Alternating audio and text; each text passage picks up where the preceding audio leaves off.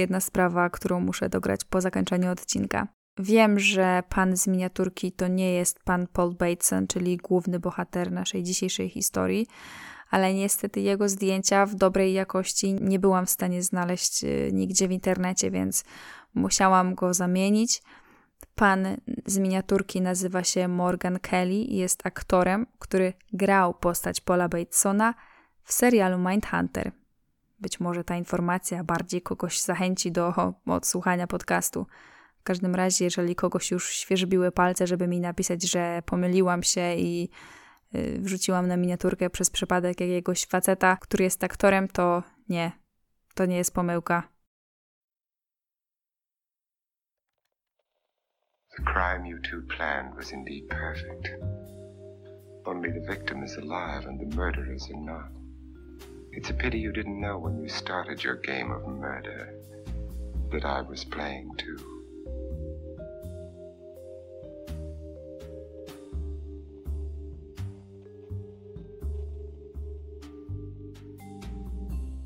Stany Zjednoczone, rok 1977. Jimmy Carter zostaje prezydentem i zaraz po tym ułaskawia osoby uchylające się od poboru do wojsk, które walczyły w Wietnamie. Nixon udziela swojego pierwszego wywiadu po aferze Watergate. Harvey Milk, jako pierwszy w historii przyznający się do swojej orientacji seksualnej polityk, zostaje wybrany do Rady Miasta San Francisco. W 1977 roku umiera król rock'n'rolla Elvis Presley, Ogólnokrajowe rozgłośnie radiowe cały czas przygrywają w rytmie Tonight's the Night Roda Stewarta, a kina oblegają widzowie, którzy chcą zobaczyć pierwszą część Gwiezdnych Wojen. W tym samym też roku na ulicach Nowego Jorku grasuje morderca homoseksualistów, który rozczłonkowuje swoje ofiary i wrzuca je do rzeki. Co to ma wspólnego z tematem mojego podcastu? Tym razem Wam tego nie zdradzę. To znaczy, na razie oczywiście. Dzisiaj udajemy się w podróż do nowojorskiej dzielnicy Greenwich Village na Dolnym Manhattanie. W tym roku w Nowym Jorku ma miejsce wielka dwudniowa awaria elektryczna, która dotknie właściwie prawie wszystkie dzielnice. Chociaż podobne awarie już się zdarzały i będą się jeszcze zdarzać w przyszłości, to tylko w 1977 roku napięcia w społeczeństwie są tak duże, że w całym mieście dochodzi do masowych kradzieży, podpaleń i napadów. Nie da się ukryć, nie są to lekkie czasy dla Ameryki, a już na pewno nie są to lekkie czasy dla społeczności LGBT, bo to jej dotyczyć będzie w głównej mierze moja dzisiejsza historia. Co prawda jesteśmy niecałą dekadę po zamieszkach w Stonewall, od kilku lat zakaz zatrudniania osób homoseksualnych już oficjalnie nie funkcjonuje, a wirus HIV jeszcze nie zdążył częściowo pogrzebać dotychczasowych walk o równość, ale umówmy się, ogarniętych homofobią szaleńców na ulicach nie brakuje. I właśnie taki szaleniec, a przynajmniej tak się wszystkim będzie wydawać, Grasować będzie na ulicach Greenwich Village w 1977 roku.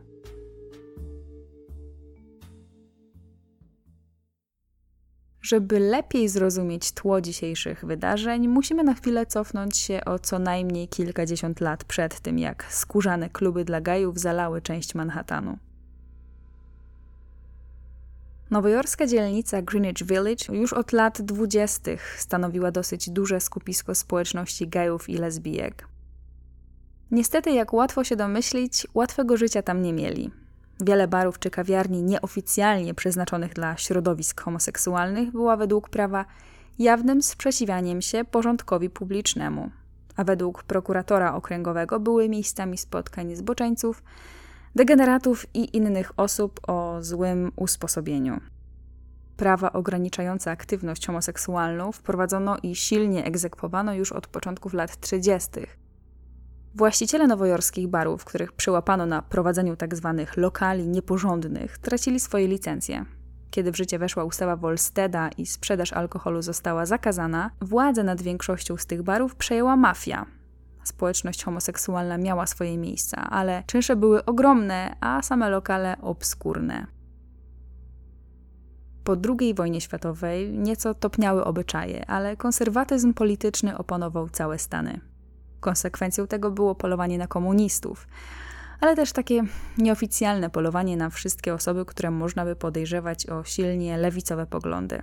Wprowadzono na przykład absolutny zakaz zatrudniania gejów i lesbijek. Homoseksualne osoby były nagminnie wyrzucane z wojska, uczelni i szkół. Prześladowania nie tylko osób, które wyszły z szafy, ale też tych, których o to podejrzewano, a nawet prześladowanie ich rodzin były na porządku dziennym. W latach 50. najpopularniejsze nowojorskie miejscówki na Greenwich Village obserwowane były przez FBI, nie mówiąc już o policyjnych nalotach. Pary jednopłciowe nie mogły się dotykać, nie mogły razem tańczyć. Każda kobieta i każdy mężczyzna musiał mieć na sobie przynajmniej trzy części garderoby, które odpowiadały jego biologicznej płci. I rzeczywiście policja, która robiła naloty, ostentacyjnie to sprawdzała. Ścigano wszystkich, którzy mogliby sprzedawać alkohol i udostępniać do zabawy miejsce osobom w cudzysłowie nierządnym na terenach Greenwich Village. Ale to właśnie Nowy Jork pod koniec lat 50. stał się strategicznym miejscem głównych ruchów na rzecz praw gejów, w którym powstawały pierwsze organizacje. Trzeba było jednak poczekać co najmniej kilkanaście lat, żeby Nowy Jork stał się świadkiem rewolucji. Kluczowym punktem zwrotnym okazało się powstanie w Stonewall z 1969 roku. Zdarzenie miało miejsce właśnie na Greenwich Village i do dzisiaj uważa się je za kamień milowy walki na rzecz praw osób LGBT w Stanach Zjednoczonych. W ramach typowego schematu nalotów na gejowskie lokale 28 czerwca 1969 roku nowojorska policja dokonała kolejnego nalotu na pub Stonewall Inn. Policja, ale też władza miasta miały Stonewall Inn na celowniku już od dawna. To było popularne miejsce spotkań nie tylko dla gejów, ale też młodzieży zafascynowanej ruchami antywojennymi, antyrasistowskimi, feministycznymi, czarnymi panterami i ekologią. Do Stonewall Inn przychodzili też zwykli robotnicy, latynosi, imigranci czy osoby czarnoskóre. Tyle, że był jednym z wielu w tamtej okolicy barem bez licencji na sprzedaż alkoholu.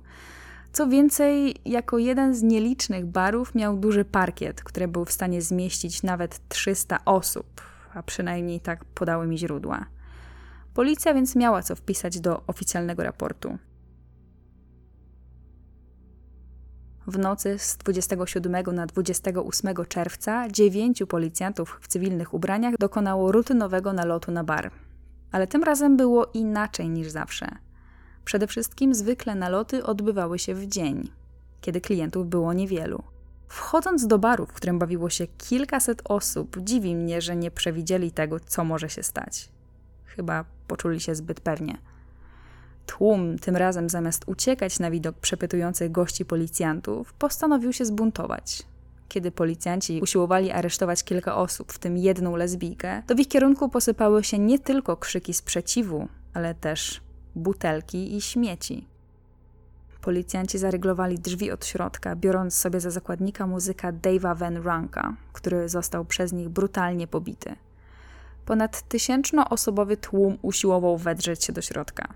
Najpierw próbując wyważyć drzwi parkometrem, a potem podpalając je, Dopiero wezwane posiłki uwolniły zabarykadowanych policjantów, ale skończyło się to na kilku rannych po obu stronach. Zamieszki na ulicach Greenwich Village trwały jeszcze kilka kolejnych dni.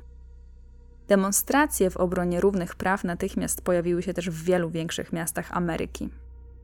Rok później na ulicach tego samego miasta odbywa się już pierwszy w historii Marsz Dnia Wyzwolenia Gejów.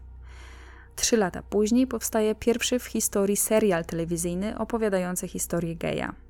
W roku następnym usunięto homoseksualizm z listy zaburzeń psychicznych. Kolejne dwa lata później zniesiono zakaz zatrudniania homoseksualistów w miejscach pracy. A następne dwa lata później aktywny politycznie gay Harvey Milk został wybrany do Rady Nadzorczej w San Francisco. Ameryka z Nowym Jorkiem na czele przechodziły transformacje. Oczywiście wraz ze stopniowym oddawaniem osobom homoseksualnym ich praw, na sile wzrastały też organizacje, których cel był całkiem inny. Powstaje społeczny ruch Nowa Prawica, krytykująca homoseksualizm. Powstaje polityczna grupa Christian Voice, która rozpoczyna krucjatę przeciwko prawom osób homoseksualnych. A Harvey Milk zostaje zamordowany przez swojego byłego przełożonego. Nastroje po obu stronach są bardzo, ale to bardzo gorące.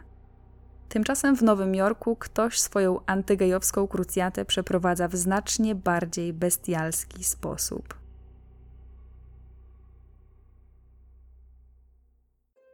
4 stycznia 1973 rok.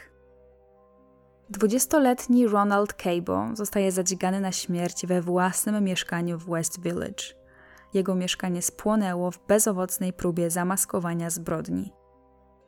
8 stycznia 1973. Donald McNiven i John Beardsley, znani na nowojorskiej scenie S&M, zostają zasztyletowani w mieszkaniu jednego z nich. Miejsce zbrodni znów zostaje podpalone. 17 stycznia 1973. Ciało, a raczej szczątki 23-letniego działacza Gay Liberation Front Robena Boreno wynurza się z rzeki Hudson w miejscu znanym jako miejsce spotkań gejów. 28 stycznia 1973. Ciało 32-letniego Nelsona Roberta, nauczyciela i stałego bywalca skórzanych barów gejowskich, zostaje znalezione pod kocem w wynajmowanym mieszkaniu. Obok leży jego współlokator ze skręconym karkiem. W łazience policja znajduje czarnego miniaturowego pudla utopionego w wannie chociaż ta styczniowa rzeź na gejach z 73 roku już się nie powtórzy na taką skalę, to straszne zbrodnie w Greenwich Village wymierzone na tak zwaną skórzaną subkulturę będą trwać.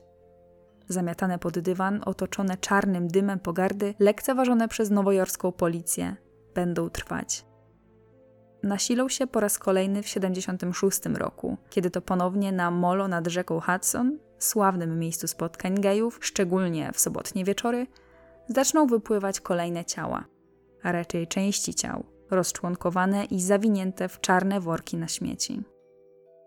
No cóż mam rzec, no to już z daleka śmierdziało morderstwem. W dodatku najpewniej na tle homofobicznym. Tyle, że ze względu na stan rozkładu ciał, policja nie była w stanie ani określić ich tożsamości, ani zidentyfikować przyczyny śmierci na samym przełomie 1973 i 1977 roku w rzece Hudson i w pobliżu World Trade Center policja znajdzie łącznie fragmenty ciał pięciu mężczyzn ukrytych w worki na śmieci. Niestety, chociaż od razu uznają, że wszystko to zrobiła jedna osoba, to nie będą chcieli wszcząć dochodzenia w sprawie morderstw. Dlaczego? Oficjalnie przez procedury bo skoro nie ma przyczyny śmierci, to nie może być mowy o żadnym morderstwie. Kiedy na molo wypłynie fragment szóstego ciała ze strzępem skórzanej kurtki, policja w końcu zacznie działać. Strzępek ubrania zaprowadził nowojorską policję do jednego z butików na West Village. Butiku, w którym ubierała się właśnie głównie homoseksualna klientela związana ze skórzanymi barami. Tatuaż na ciele innej z ofiar również wskazywał na to, że był nią najprawdopodobniej homoseksualny mężczyzna. Motyw zabójstw określono szybko. Była to najpewniej krwawa kontynuacja prześladowań tej gejowskiej subkultury z Dolnego Manhattanu. Całą społeczność LGBT Nowego Jorku po raz kolejny ogarnęła panika. Cztery lata po zamieszkach w Stonewall polowanie na homoseksualistów było bardziej namacalne niż kiedykolwiek.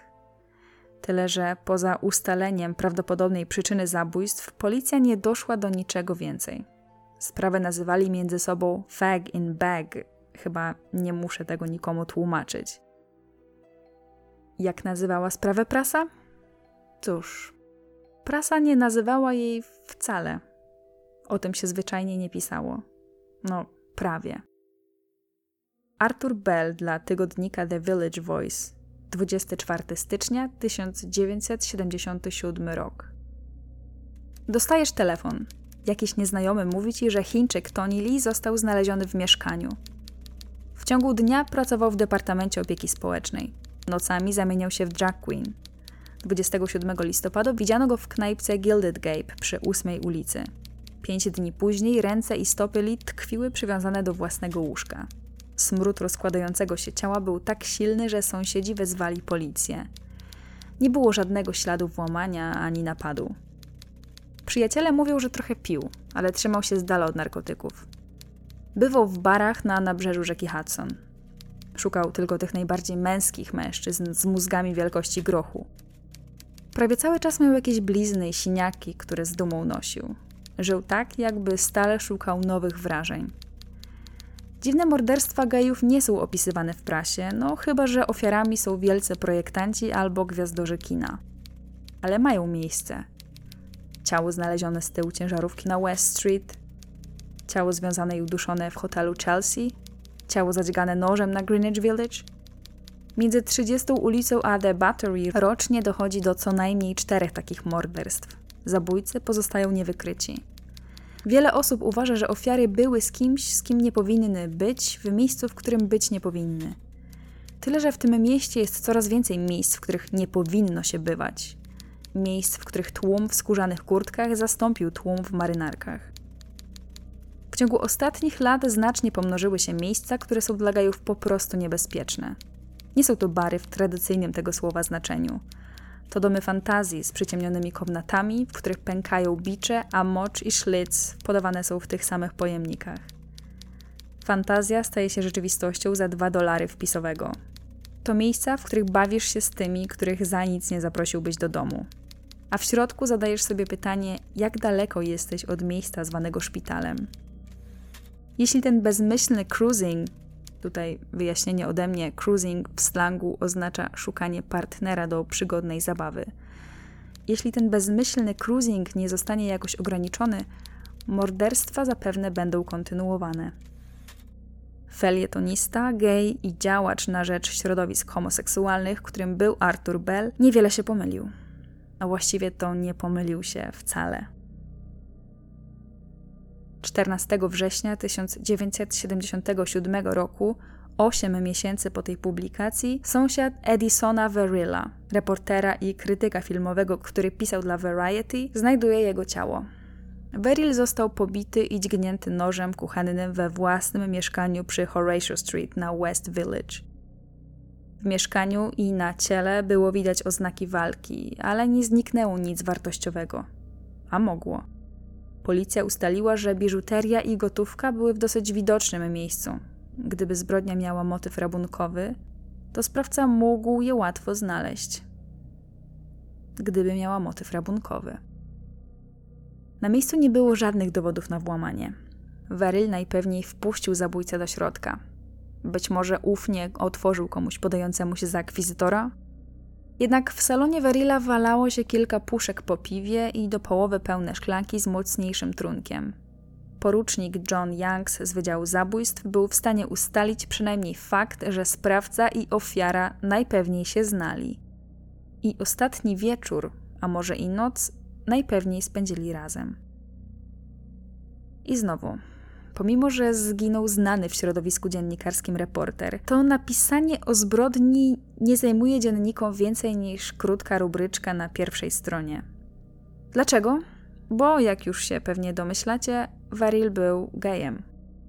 Żeby tego było mało, to jego zawodowym konikiem było pisanie publikacji o rynku filmów porno – a zarówno filmy porno, jak i kina porno nie były w Nowym Jorku lat 70. niczym niezwykłym. Ja, jeśli ktoś oglądał taksówkarza, to zapewnie wie, o czym tutaj mówię. Addison Verrill urodził się w Hamden w stanie Connecticut. Ukończył prestiżową uczelnię Princeton, a po uzyskaniu dyplomu kolejne lata spędził na misji Korpusu Pokoju w Afryce.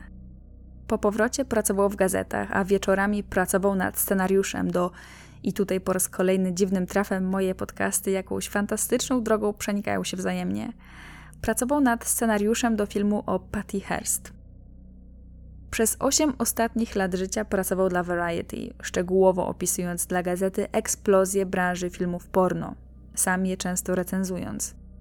Nie był typem odludka ani typem dziwaka. W środowisku nowojorskich gejów i w skórzanych barach traktowano go jako swoistego celebrytę, właśnie dzięki posadzie Variety. Ludzie go lubili, w pracy bardzo go szanowano, ale niestety bardziej niż jego życie, wydawca Variety najprawdopodobniej szanował reputację pisma. chociaż powiedział oficjalnie, że to, co Verrill robił po godzinach, to była jego sprawa, to informacja o zabójstwie Verilla pojawia się w Variety tylko jako krótka wzmianka tuż pod artykułem zapowiadającym nadchodzący nowojorski festiwal filmowy. Właściwie to tylko Channel 7 poinformował o morderstwie na Dolnym Manhattanie, a New York Times wspomniał o zabójstwie, ale nie wiązał sprawy z wcześniejszymi zabójstwami gejów z tamtej okolicy. Poza tym niemal żaden dziennik, żadna stacja radiowa, żadna większa telewizja informacyjna, nikt nie pisał o zabójstwie. Sprawę postanowił nagłośnić po raz kolejny zresztą Arthur Bell, który osobiście znał Verilla. Tutaj pozwólcie, że znowu zacytuję fragmenty jego artykułu dla Village Voice. Niczego nie skradziono. Telewizor, dyktafon, maszyna do pisania, wszystko, co mogło być wyniesione, zostało nietknięte. Porucznik John Youngs uważa, że mordercę albo szukał gotówki, ale Verrill rzadko nosił ze sobą więcej niż kilka dolarów i nie trzymał też dużych sum w domu, albo szukał biżuterii. Strażnik budynku nikogo podejrzanego nie widział. Policja ma tylko kilka wskazówek odnośnie mordercy. Podejrzewa, że Veril opuścił bar gejowski Mineshaft około 6 nad ranem i poznał kogoś albo tam, albo już w drodze do domu. Był częstym gościem Mineshaft i tamtego poranka gadał z wieloma facetami. Wszyscy, którzy go znali, twierdzą, że nie interesował go przygodny seks, ale chodził do tego typu barów, bo lubił po prostu być w centrum uwagi. Stuart Byron, który pisze właśnie książkę na temat historii Variety, powiedział, że Veril był w tych barach prawdziwą gwiazdą. Niektórzy nawet chodzili tam tylko po to, żeby go zobaczyć. Miał swój własny kącik na sali, gdzie w mroku dzielił się swoimi mądrościami i filmowymi plotkami. Przeoczenie informacji o zabójstwie Verilla w mediach jest niedopuszczalne, szczególnie ze względu na jego pozycję i charakter morderstwa. Addison mógł mieć jakąś przelotną relację z mordercą. Wszyscy wiemy jednak, że po ulicach Nowego Jorku szaleją psychopaci i z pewnością nie ostrzegają o swoich intencjach na t-shirtach. Skupiają się na gejach, bo są przekonani, że sami na siebie to sprowadzili. Artykuł Artura Bella kończy się podobnym, gorzkim stwierdzeniem co poprzedni tekst. Każdego roku około czterech homoseksualistów jest ofiarami morderstw w okolicach Greenwich Village, a ewentualni świadkowie boją się zeznawać, bo to zazwyczaj oznaczałoby wyjście z szafy. Artykuł Bella miał poruszyć ludzi, poinformować społeczność Nowego Jorku o skali tego, co się dzieje, poruszyć policję do działania. Arthur Bell chciał wywołać jakiś odzew i wywołał, a odezwał się do niego sam morderca. Osiem dni po morderstwie Arthur Bell dostał telefon. Po drugiej stronie usłyszał głos Jana Alberta, odbierającego telefony w Village Voice. Ten kretyn już ze dwa razy dzwonił do biura i mówi, że zabił Verilla. Chce gadać z tobą. Powiedział, że twój tekst z zeszłego tygodnia jest wspaniały, ale pojawił się tam jeden błąd. Nazwałeś mordercę Verilla psychopatą, a on nim nie jest. Stary facet jest bardzo agresywny, wręcz teatralny. Powiedział mi, że będę mógł napisać teraz książkę pod tytułem Rozmawiałem z mordercą. Arthur Bell godzi się, żeby Jan Albert podał nieznajomemu jego prywatny numer. Po dziesięciu minutach telefon dzwoni po raz drugi tego wieczoru. To twoje zdjęcie na 23 stronie The Voice? Nie, to Addison Verrill. Nie wygląda jak on. Zabiłem go. To jak wyglądał? Lepiej niż na zdjęciu. Podoba mi się Twoja historia, ale nie jestem psychopatą. Rozmówca, jak napisze później Arthur Bell, miał ciepły, miły głos. Nie podał swojego imienia, ale po raz kolejny wyznał, że to on zamordował Addisona Verilla. Powiedział, że jest gejem, ale potrzebował pieniędzy, bo jest alkoholikiem, ale z pewnością nie jest psychopatą. Rozmowa trwała 20 minut. W tym czasie rzekomy morderca opowiedział to, co według jego wersji wydarzeń stało się nad ranem 14 września. Tego wieczoru błąkał się po ulicach Greenwich Village bez grosza przy duszy, szukając jakiejś okazji. Był całkiem spłukany, a od trzech miesięcy nie pił. Nie wiadomo, co takiego wydarzyło się w jego życiu, że postanowił tym razem znaleźć szczęście w barze gejowskim. Wybór padł na Bandlands przy Christopher Street, tam poznał Addisona Varilla. Addison był miły, postawił mu piwo, a pomiędzy kolejnymi butelkami częstował go naprzemiennie kokainą, marihuaną i azotynem amylu. Ta substancja miała swoje zastosowanie tego wieczoru. Około trzeciej nad ranem zmienili lokal na Mineshaft, czyli tego baru, w którym Veryl był dosyć znany. Kiedy usiedli przy stałym stoliku Verilla, to zaczęli podchodzić do nich ludzie. Dopiero w tym momencie tajemniczy nieznajomy dowiedział się, że jego towarzysz Addison jest kimś w rodzaju gwiazdy. To był ten moment, kiedy pomyślał, że chce iść z nim do domu. Zaproponował więc Addisonowi, żeby ten zaprosił go do siebie. Na początku nie chciał tego robić, tłumaczył, że musi rano wstać, bo pracuje nad kolejnym tekstem. W końcu jednak się zgodził. Po piątej nad ranem wzięli taksówkę i pojechali na Horatio Street, gdzie na 17 piętrze jednego z budynków swoje mieszkanie miał Addison Verrill. Addison poczęstował nieznajomego whisky. Rozmówca Bella powiedział, że wypili dwie butelki i wciągnęli jeszcze więcej koki. Potem poszli do łóżka. Kiedy było po wszystkim, coś mnie uderzyło. To nie było dla niego tym samym, czym było dla mnie. Chciałem czegoś więcej niż seksu, chciałem przyjaźni, małżeństwa. Uznałem, że to przez to, że jestem alkoholikiem.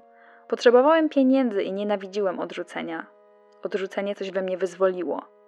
Nagle coś pojawiło się w mojej głowie. Następnie tajemniczy rozmówca ze szczegółami opowiedział Arturowi Bellowi, jak zamordował Edisona Verilla. Powiedział, że poszedł do kuchni, wziął wielką patelnię i uderzył nią Verilla w głowę tak mocno, że ten stracił przytomność.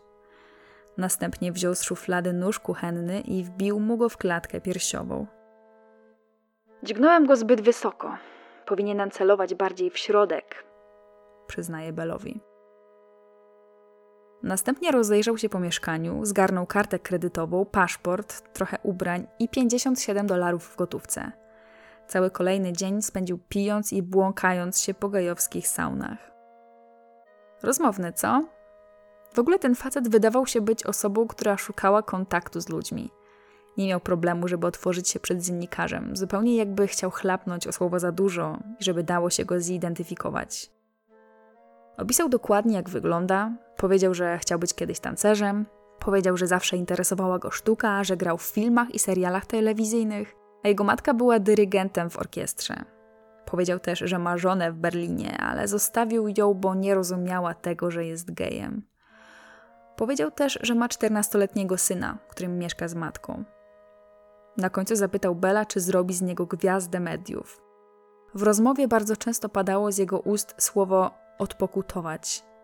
Mówił na przykład: Chciałbym to jakoś odpokutować, ale nie mogę tak się wam oddać.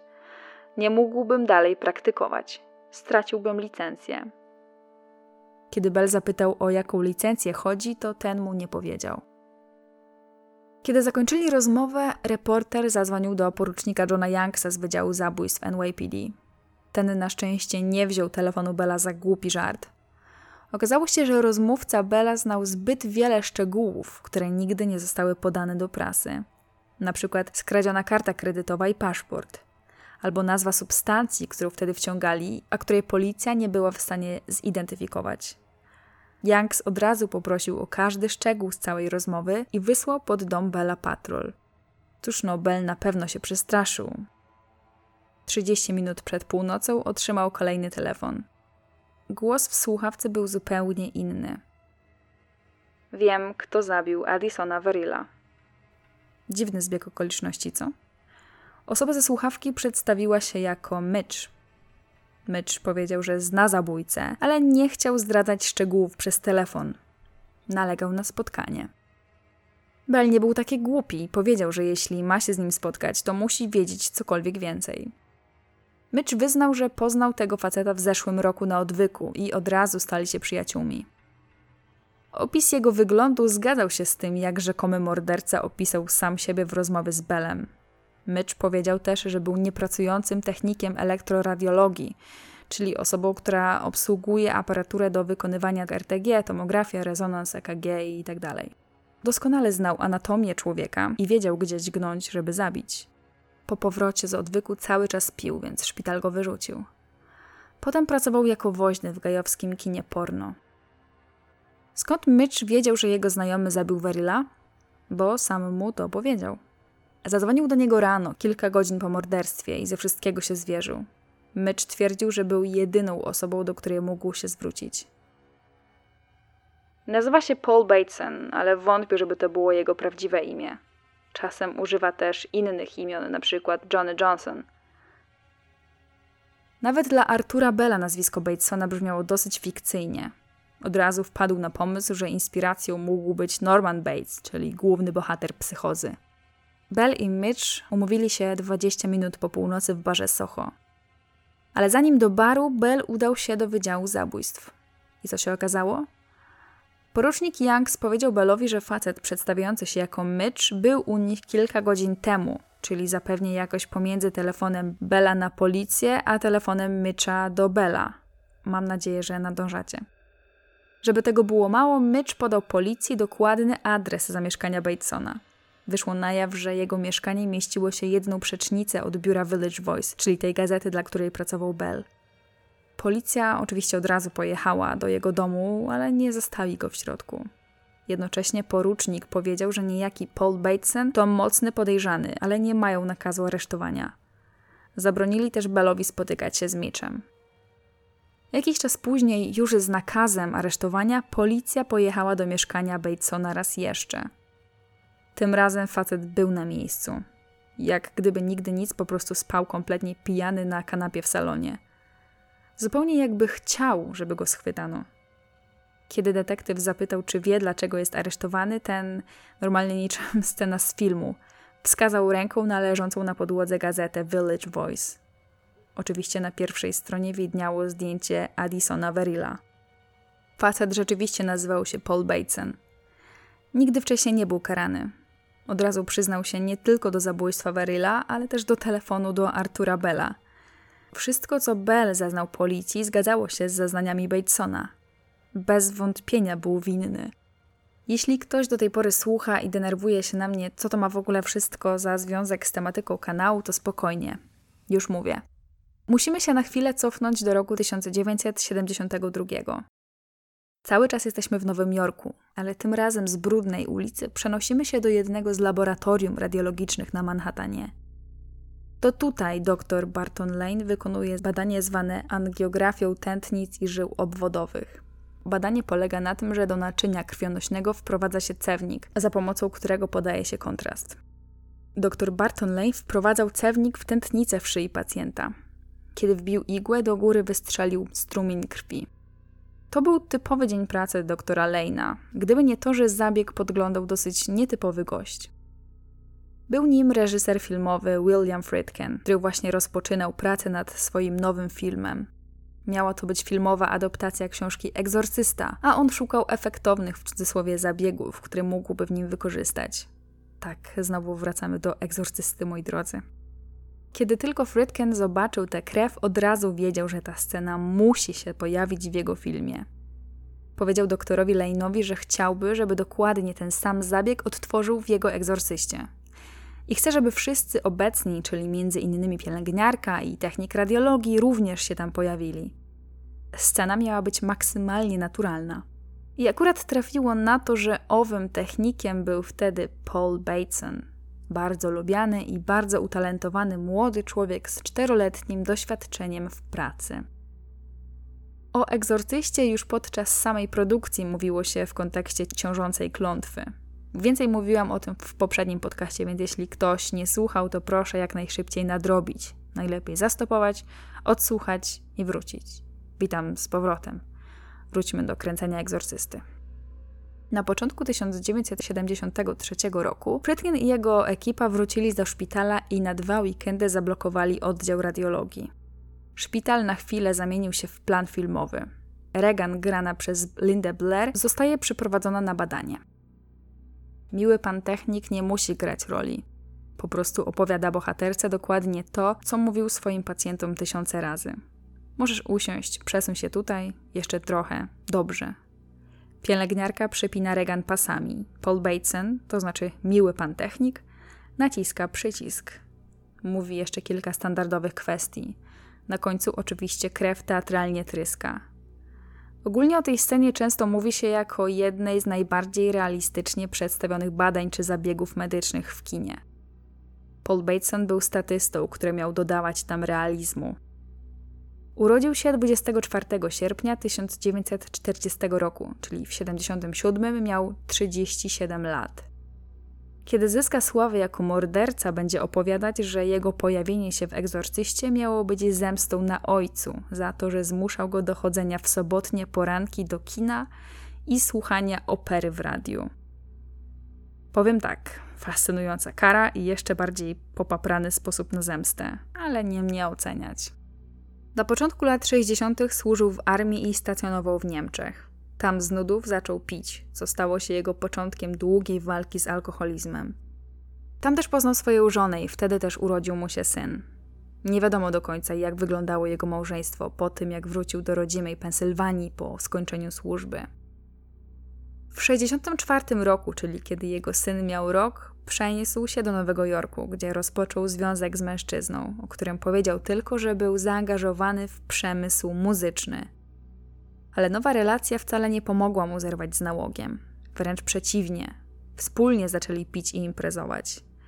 W międzyczasie jego matka zmarła, a młodszy brat popełnił samobójstwo. Paul na przemian wpadał w cuk, a potem przez jakiś czas próbował się ogarnąć. Wyszkolił się na neurologicznego technika elektroradiologicznego i zaczął pracę. W 1973 roku zerwał ze swoim partnerem. Pracował na New York University Medical Center, gdzie był bardzo szanowanym specjalistą, bardzo lubianym w pracy. W trakcie premiery Egzorcysty Bateson znowu wrócił jednak do nałogu. W 75 został zwolniony z pracy i od tamtej pory utrzymywał się z dorywczych prac. Sprzątał mieszkania, pracował w remontach, był bileterem w kinach pornograficznych, a potem pracował tam jako woźny. Chodził na spotkania anonimowych alkoholików i miał nawet podobną nadzieję na związek. Ale w 77 roku zaczął znowu pić. Zeznał, że w najgorszym momencie wypijał około litra wódki dziennie – Włóczył się po skórzanych barach dla gejów, którzy stylizowali się na motocyklistów. Mówił, że skóra robi na nim wrażenie, ale że pogarszają oni wszyscy reputację gejów, tak jak każda ekstremalna grupa.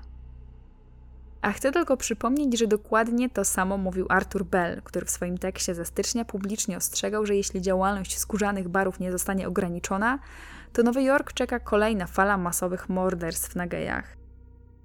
Zanim doszło do przesłuchania wstępnego w sądzie, policja zdążyła już się dowiedzieć, że był dosyć znaną twarzą na Christopher Street, czyli tej ulicy, przy której doszło do zamieszek w Stonewall, takiej głównej ulicy gajów w Nowym Jorku. W przeciwieństwie do Addisona Varilla, który żył trochę w ukryciu, to Bateson był całkowicie otwartym gejem.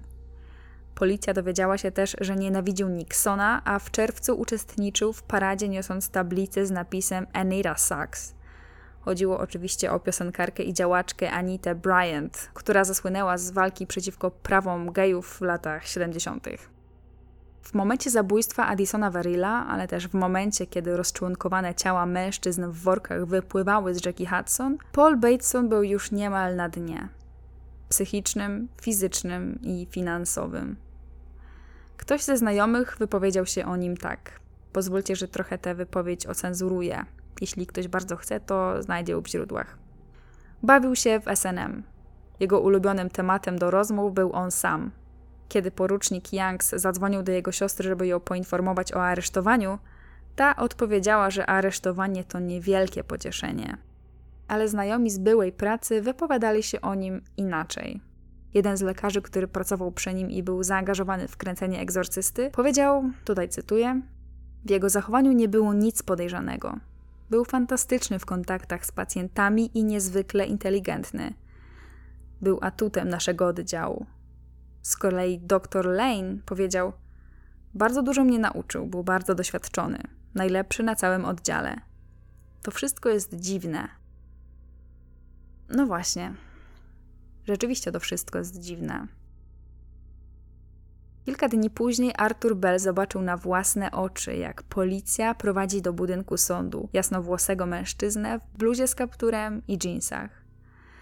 Facet był zaniedbany, jakby nie mył się od miesiąca. Kiedy fotoreporterzy zaczęli robić mu zdjęcia, ten krzyczał: Kim oni są? Dlaczego mi to robią? Zdjęcie z tej chwili uwieczniło też Village Voice. Link do zdjęć znajdziecie w opisie. Podczas przesłuchania wstępnego Bateson wszystkiego się wyparł. Próbował tutaj ugrać coś na prawowitości procedur. Powiedział na przykład, że był kompletnie pijany i nie ma pojęcia, czy policja w czasie aresztowania przeczytała mu jego prawa. To jest, o ile się orientuje, konstytucyjny obowiązek policji. Powiedział też, że oszukał Bela. Kiedy do niego dzwonił, czytał wszystkie informacje z jego artykułu, bo przecież gazetę miał na pewno. Na to dowody były. Ale sędzia pozostał nieugięty. Zadecydował, że policja respektowała konstytucyjne prawa Batesona przez cały czas aresztowania i zezwolił na wykorzystanie jego zeznań w sądzie podczas głównej rozprawy. Ale to nie był koniec. Nowojorski Wydział Zabójstw zauważył, że Bateson wyjątkowo pasuje im na seryjnego mordercę, który grasował na przełomie tego i poprzedniego roku. Mordował gejów, a potem rozcinał ich ciała i wrzucał do rzeki w workach na śmieci. Po pierwsze, Bateson był związany z tym środowiskiem. Sam przyznał, że skóry go fascynują. Po drugie, był podejrzany o morderstwo, więc jego szanse na popełnienie innych zbrodni znacznie rosły. Po trzecie, ale nie wiem, czy to była tylko plotka, czy prawda, o źródle tej informacji jeszcze wspomnę. Podobno na workach, w których były ciała, widniał napis, który łączył je z oddziałem neuropsychiatrycznym NYUMC, czyli miejsca, w którym przez lata pracował Bateson. Po czwarte, dawno temu zostało ustalone, że rozcięcia na ciałach wyglądały tak, jakby dokonywał ich ktoś, kto wiedział, co robi. A ze względu na wykształcenie, Bateson mógł wiedzieć, jak rozciąć ciało i gdzie dźgnąć, żeby idealnie trafić w serce. I wreszcie po piąte, Bateson podobno powiedział Mitchowi, który tak naprawdę nazywał się Richard Ryan, że to właśnie on odpowiadał za te morderstwa. Prokurator William Hoyt będzie mówił, tutaj cytuję: Powiedział Ryanowi, że zabijanie jest łatwe. Najtrudniejszą częścią jest pozbycie się ciał. Powiedział, że postanowił, że będzie ciąć swoje ofiary, a potem wyrzucać je w plastikowych workach jak zwykłe śmieci. W przypadku wszystkich sześciu ciał, których części znaleziono unoszące się w rzece Hudson, badacze ustalili, że osoba, która je pocięła, była tą samą osobą. Na pewno była albo rzeźnikiem, albo kimś z zaawansowaną wiedzą medyczną. Prokuratura będzie oczywiście próbowała powiązać Batesona z nierozwiązanymi sprawami sześciu niezidentyfikowanych mężczyzn z rzeki Hudson – jak to dokładnie wyglądało, tego niestety nie wiem, bo dokładne zapisy ze sprawy zaginęły. Wiem na pewno, że śledczy będą publicznie wypowiadać się na ten temat. Nikt tam nie ukrywał tego, że Bateson jest głównym podejrzanym w, również w tamtej sprawie. Paul Bateson został oskarżony o morderstwo drugiego stopnia i zatrzymany w oczekiwaniu na proces. Okolicznością, która sprawiła, że miało to być morderstwo drugiego, a nie pierwszego stopnia, był fakt, że Bateson nie planował morderstwa, tylko dokonał go niejako spontanicznie na nieznanej sobie osobie. Na proces oczekiwał w więzieniu na wyspie Rikers. Miesiąc po zatrzymaniu odwiedził go nikt inny jak Arthur Bell, głodny kontynuacji swojej historii dla Village Voice. Na tym spotkaniu opowiadał trochę o sobie. Mówił, że więzienie pomaga mu żyć w trzeźwości. Właściwie to tym, co najbardziej bolało go w tym więziennym życiu, było to, że nie mógł zobaczyć nowego występu Geoffrey Ballet. Adwokat poradził mu unikać tematu samego morderstwa i przyznawania się do winy. On wręcz przeciwnie, powiedział Balowi z przekonaniem, że na pewno zostanie uniewinniony. Już snuł plany, że po tym wszystkim się gdzieś przeprowadzi ale w końcu ta rozmowa zeszła na jakieś dziwne tony. W pewnym momencie Arthur Bell, nie wiem czy żeby go pocieszyć, no mam nadzieję, że nie żeby go poderwać, powiedział Batesonowi, że gdyby spotkali się w barze, a nie w więzieniu, to na pewno zaprosiłby go do siebie. Cóż. Paul Bateson stanął przed sądem na początku 1979 roku, czyli właściwie ponad rok po aresztowaniu. Jako jeden z dowodów przeciwko niemu posłużył artykuł Bella, który był niemal całą transkrypcją ich pierwszej rozmowy telefonicznej. Prokurator zażądał maksymalnej kary albo 25 lat więzienia, albo dożywocia. Nazwał go psychopatą, nie omieszkając ze szczegółami wspomnieć o sześciu innych morderstwach, o które go podejrzewa. Bateson, wypowiadając się we własnym imieniu, powiedział sędziemu, że nie jest winny zbrodni i jest mu przykro z powodu pana Varilla, ale on nie jest typem osoby, jaką opisuje prokurator Hoyt. Zaprzeczył też temu, że w ogóle wykonywał kiedykolwiek telefon do Bella. A przypominam, że jeszcze niedawno sam się przyznał do tego, że z nim rozmawiał. Pomimo tego, że szykowano się na długi proces, to wyrok zapadł po czterech dniach. Ława przysięgłych obradowała zaledwie 30 minut. Jak myślicie, jaki był wyrok? Był dokładnie 5 marca 1979 roku, kiedy Paul Bateson usłyszał wyrok winny zabójstwa drugiego stopnia na Addisonie Verillu. Został skazany na co najmniej 20 lat więzienia. Nie była to oczywiście maksymalna kara, jakiej żądał prokurator. Jeden z dziennikarzy, który po latach badał tę sprawę, dam Wam oczywiście link do artykułu w opisie, twierdzi, że brak kary dożywocia mógł być spowodowany tym, że ofiara była homoseksualna. W latach 70. wiele osób uważało, że homoseksualiści, którzy zaangażowani byli w kulturę skórzaną i SNM, sami, że tak powiem, proszą się o śmierć. Nie wiem, czy rzeczywiście tak było w przypadku tego sędziego, czy doszły jakieś inne okoliczności łagodzące. Nie wiem. Podczas wygłaszania mowy końcowej sędzia powiedział, tutaj cytuję, że jego związek z morderstwami w workach jest niezbyt wystarczający, żeby go o nie oskarżać. I rzeczywiście, prokuratura nigdy nie postawiła mu zarzutów, a sprawy morderstw w workach do dzisiaj pozostają oficjalnie nierozwiązane. Mówię oficjalnie, bo przez to, co policja i prokuratura mówiła mediom, to wiele osób sądziło, że Paul Bateson na pewno mordercą był i nigdy nie zweryfikowała tego, co dalej się działo w tej sprawie.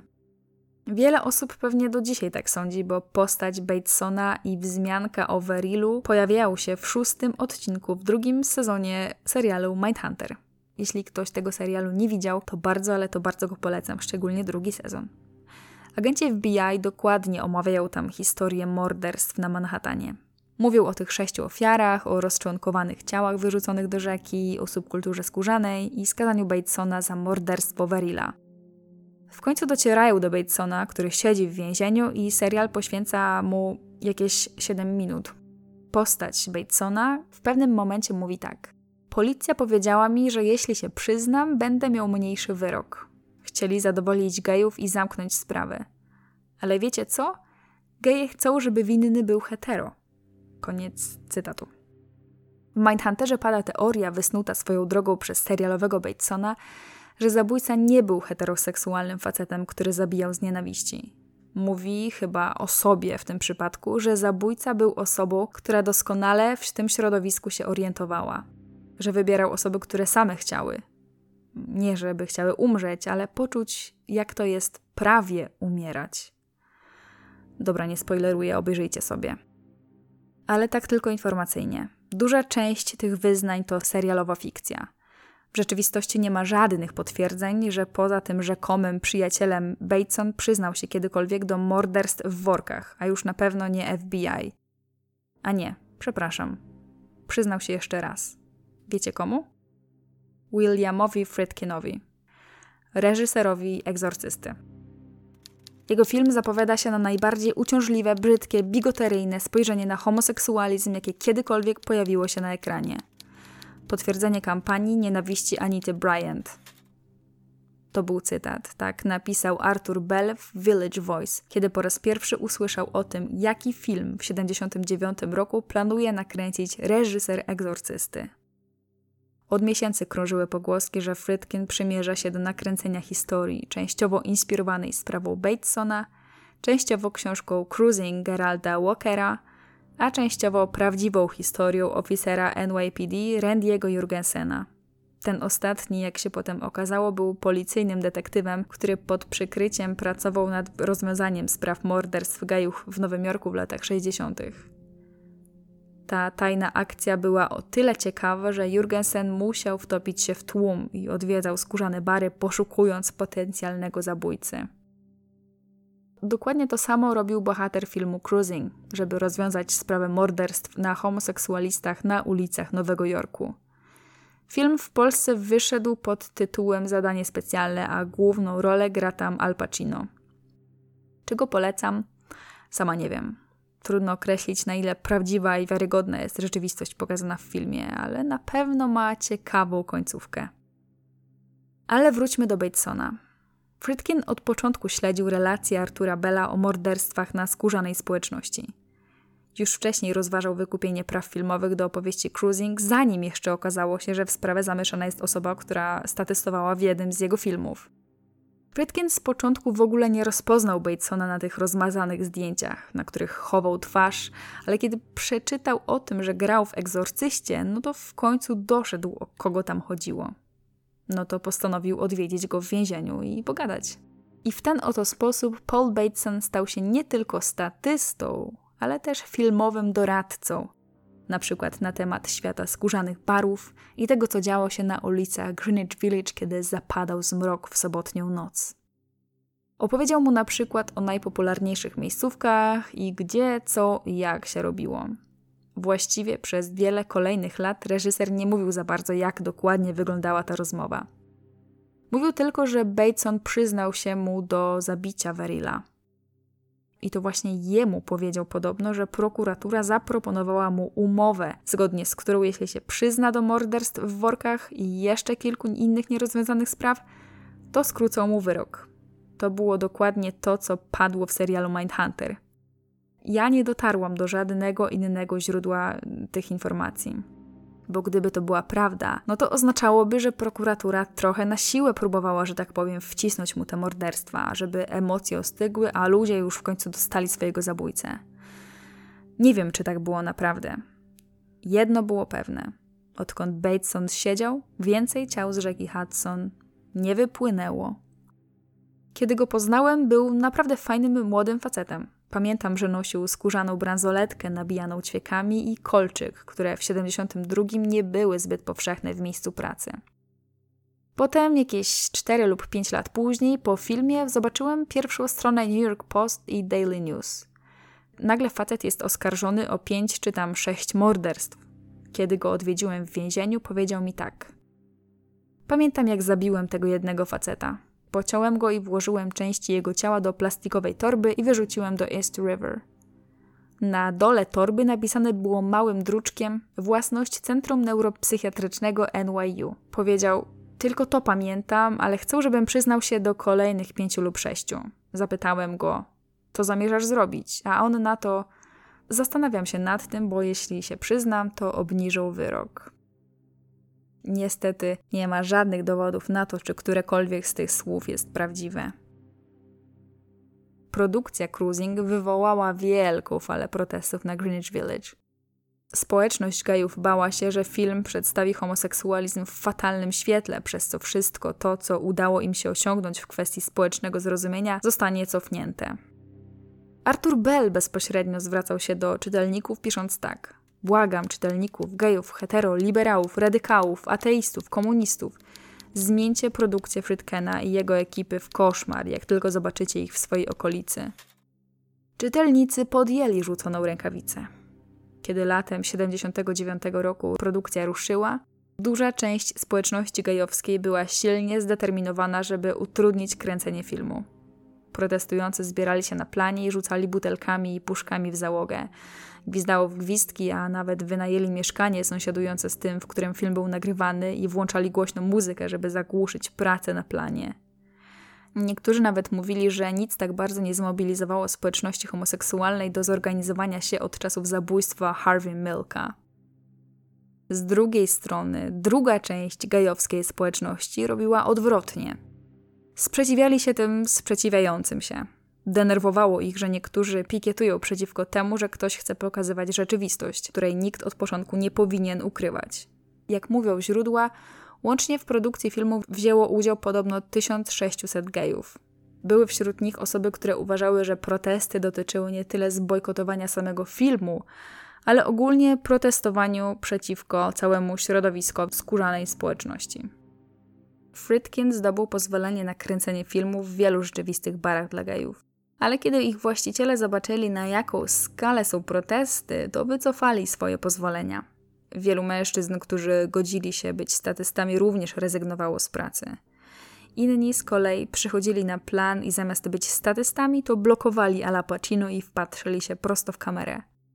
Nawet sam aktor żalił się na łamach Village Voice. No, nie ma mu się co dziwić, no był tylko aktorem, który chciał wykonywać swoją pracę.